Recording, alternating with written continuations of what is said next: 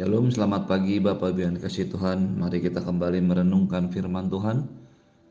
Pagi hari ini diambil dari Mazmur pasal 35 ayat 1 sampai dengan 28. Mazmur pasal 35 ayat 1 sampai dengan 28. Doa minta tolong terhadap musuh dari Daud.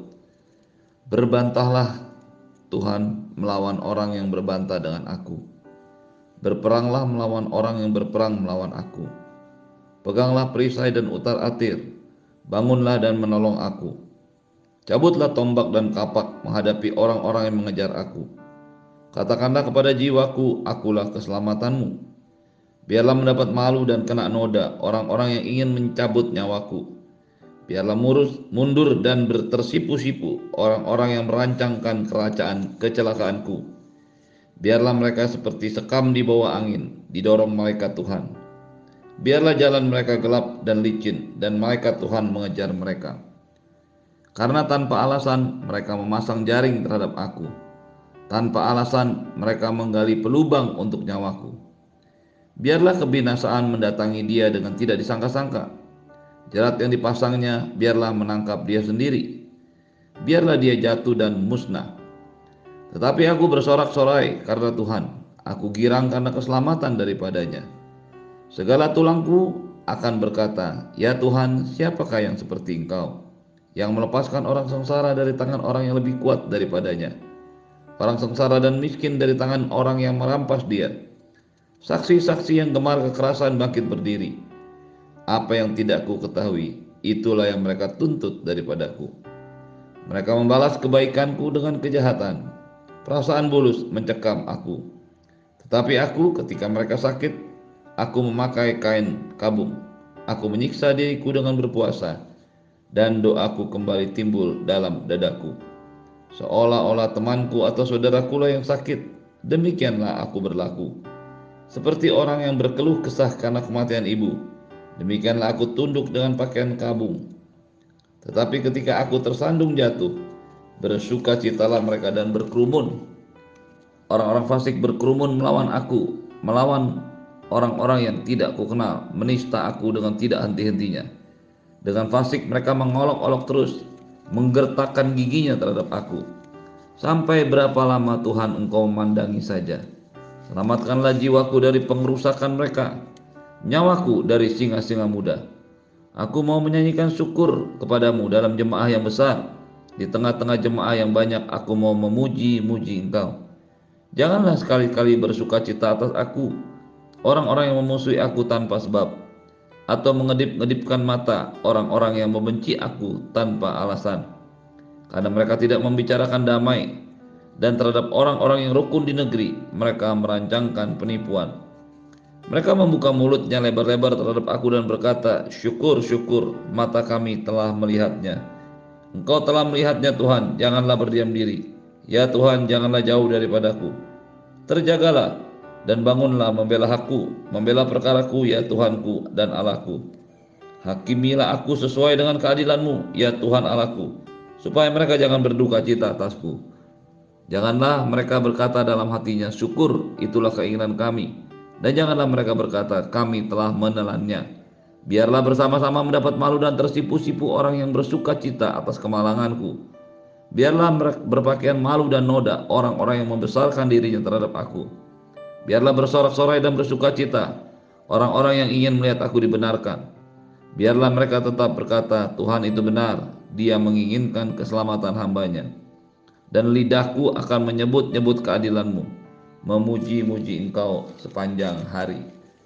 Bapak Ibu yang dikasih Tuhan, Mazmur pasal 35 adalah Mazmur yang dibuat oleh Daud. Kalau kita melihat isinya, kemungkinan pada saat itu Daud berhadapan dengan orang-orang yang dianggap sebagai musuh atau lebih tepat memusuhi Daud bahkan hingga ingin mencabut nyawa Daud. Beberapa penafsir Alkitab mengatakan pergumulan yang berat seperti ini yang dialami oleh Daud bukanlah berasal dari orang-orang di luar Israel. Tetapi besar kemungkinan ini terjadi ketika Daud mengalami masa-masa ketika dia dikejar ketika dia mau dibunuh oleh Saul dan pasukan Israel yang berada di bawah komando Raja Saul. Hal ini mungkin saja terjadi karena kalau kita melihat apa yang dituliskan oleh Daud, betul-betul orang ingin mencabut nyawanya. Memang dalam pertempuran melawan bangsa-bangsa lain, pastinya situasi yang sama juga demikian. Tetapi kalau kita melihat apa yang dituliskan di dalam keseluruhan pasal 35, memang kecenderungan besar yang dimaksudkan dengan musuh-musuh Daud itu ialah Saul dan pasukan-pasukannya. Baik, mari kita melihat apa yang dituliskan oleh Daud dengan Mazmur 35 ini. Perhatikan baik-baik ada satu kalimat yang secara hati-hati kita harus baca dan renungkan. Daud menuliskan dalam pasal 35 ayat yang pertama, "Berbantahlah Tuhan melawan orang-orang yang berbantah dengan aku, berperanglah melawan orang yang berperang melawan aku. Daud memposisikan dirinya secara pasif dan membiarkan Tuhan secara aktif mewakili dirinya atau berperang untuk menjaga dia. Dia meminta Tuhan untuk berbantah dengan orang yang berbantah dengan dia. Tuhan berperang melawan orang yang berperang melawan dia. Tuhan diminta memegang perisai dan utar-utar Tuhan diminta bangun untuk menolong dia. Tuhan diminta untuk mencabut tombak dan kampak menghadapi orang-orang yang mengejar dia. Kemudian Tuhan juga yang mengatakan kepada dirinya, Akulah Allah keselamatanmu. Apa yang dituliskan oleh Daud itu menjadi sebuah contoh nyata dari kehidupan yang bergantung kepada Tuhan, kehidupan yang mengandalkan Tuhan. Seringkali sebagai orang Kristen, orang percaya, kita berkata kita mengandalkan Tuhan. Kita bergantung sepenuhnya hidup ini kepada Tuhan. Tetapi semua itu sering kali hanya menjadi sebuah retorika belaka, sebuah statement tanpa sebuah kejelasan sikap atau tindakan. Tetapi apa yang dilakukan Daud betul-betul mencerminkan sikap hatinya ketika dia berkata kepada Tuhan, "Engkaulah Tuhan keselamatanku." Dia menggantungkan dan menyerahkan diri sepenuhnya kepada Tuhan, sehingga dia juga meminta kepada Tuhan untuk yang membela perkaranya, untuk yang membantu dia berbantah-bantahan, untuk berperang melawan orang-orang yang memerangi dia, untuk memegang perisai dan utar-utar, untuk menolong dia, untuk mencabut tombak dan kampak, ini adalah sebuah tindakan yang nyata dan real, praktek dari sebuah tindakan atau sikap iman. Kita harus betul-betul mengandalkan Tuhan dalam hidup ini ketika kita berkata Tuhan adalah satu-satunya pribadi yang dapat menolong. Seringkali kita berusaha dengan semua yang kita lakukan dan usaha kita melebihi kemampuan Tuhan dalam artian bukan Tuhan tidak mampu tetapi Tuhan tidak diberikan kesempatan untuk secara aktif. Banyak orang membangun rumah tangganya tanpa melibatkan Tuhan, mempunyai konsep-konsep tentang istri, suami, orang tua, memiliki konsep-konsep tentang bisnis, pekerjaan, tetapi tidak pernah melibatkan Tuhan. Yang dilakukan oleh Daud adalah sebuah hal yang sangat luar biasa. Dia menyandarkan sepenuhnya hidupnya kepada Tuhan dan dia memberikan kesempatan atau mengizinkan Tuhan untuk bertindak. Beberapa orang Kristen ingin Tuhan campur tangan dalam hidupnya. Campur tangan itu hanya sebagian kontrol yang dilakukan oleh Tuhan. Tuhan tidak mau hanya sekedar campur tangan dalam hidup kita. Tuhan mau mengendalikan seluruh hidup kita.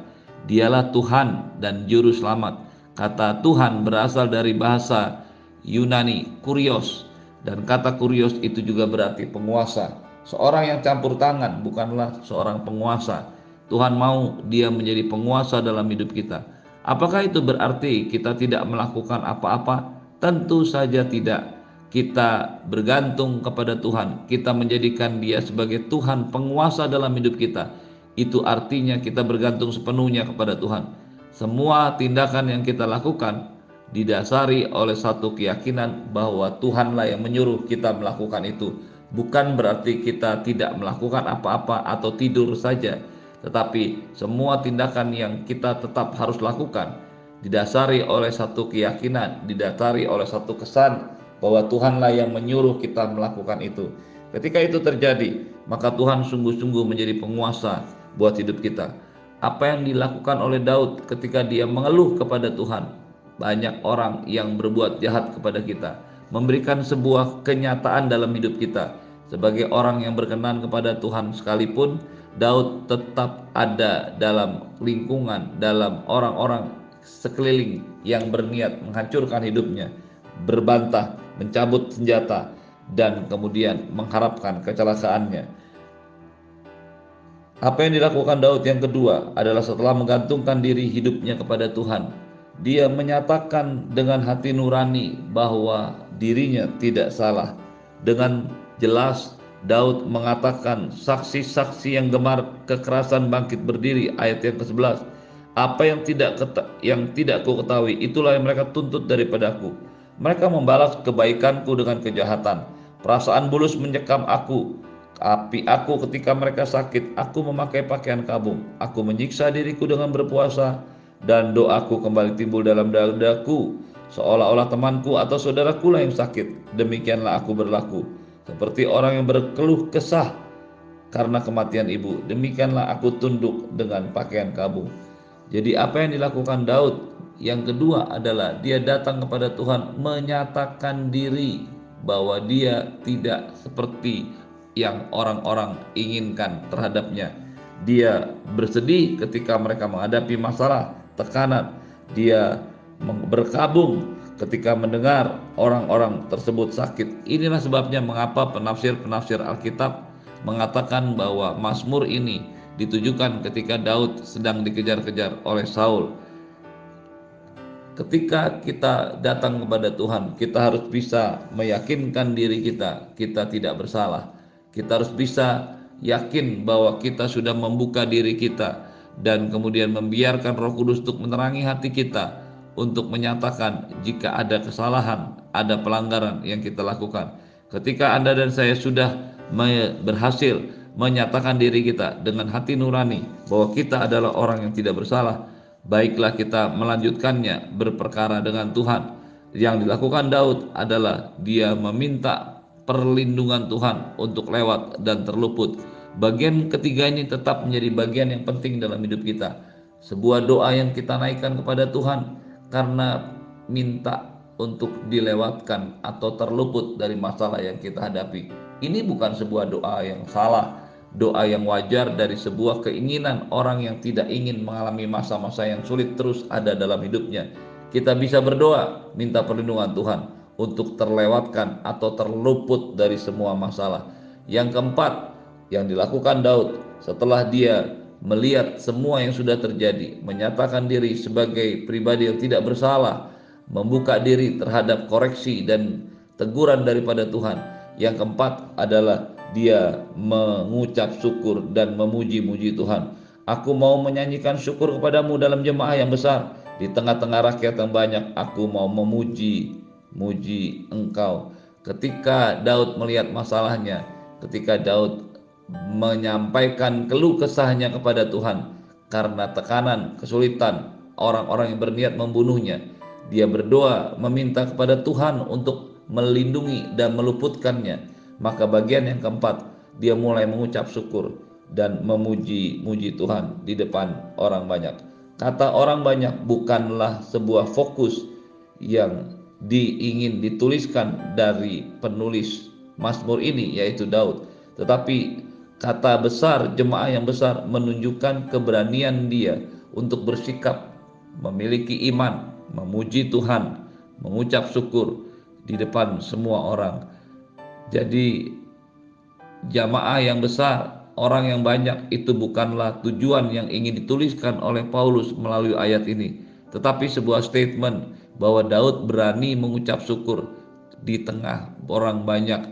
Sekalipun mungkin doanya belum terjawab sekalipun mungkin harapannya belum terkabul, sekalipun mungkin tekanan yang dialaminya belum berhenti, dia belum terluput dari masalah, tetapi dia sudah berani mengambil sikap iman untuk mengucap syukur.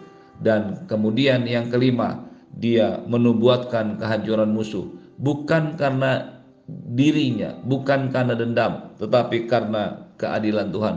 Kita harus tidak terjebak ke dalam situasi yang sama seperti yang dialami oleh orang-orang yang tidak mengenal Tuhan, menuntut dendam, menuntut balas kepada orang-orang yang berniat mencelakakan kita. Kita bisa bernubuat tentang kehancuran musuh, tetapi bukan karena kita tersakiti, tetapi karena keadilan Tuhan. Dan itu yang dilanjutkan oleh Daud ketika dia mencoba meyakinkan dirinya untuk melihat hari-hari yang baik karena keadilan Tuhan. Terjagalah dan bangunlah membela aku, membela perkaraku ya Allahku dan Tuhanku. Hakimilah aku sesuai dengan keadilanmu, ya Tuhan Allahku. Daud bersandar sepenuhnya kepada keadilan Tuhan.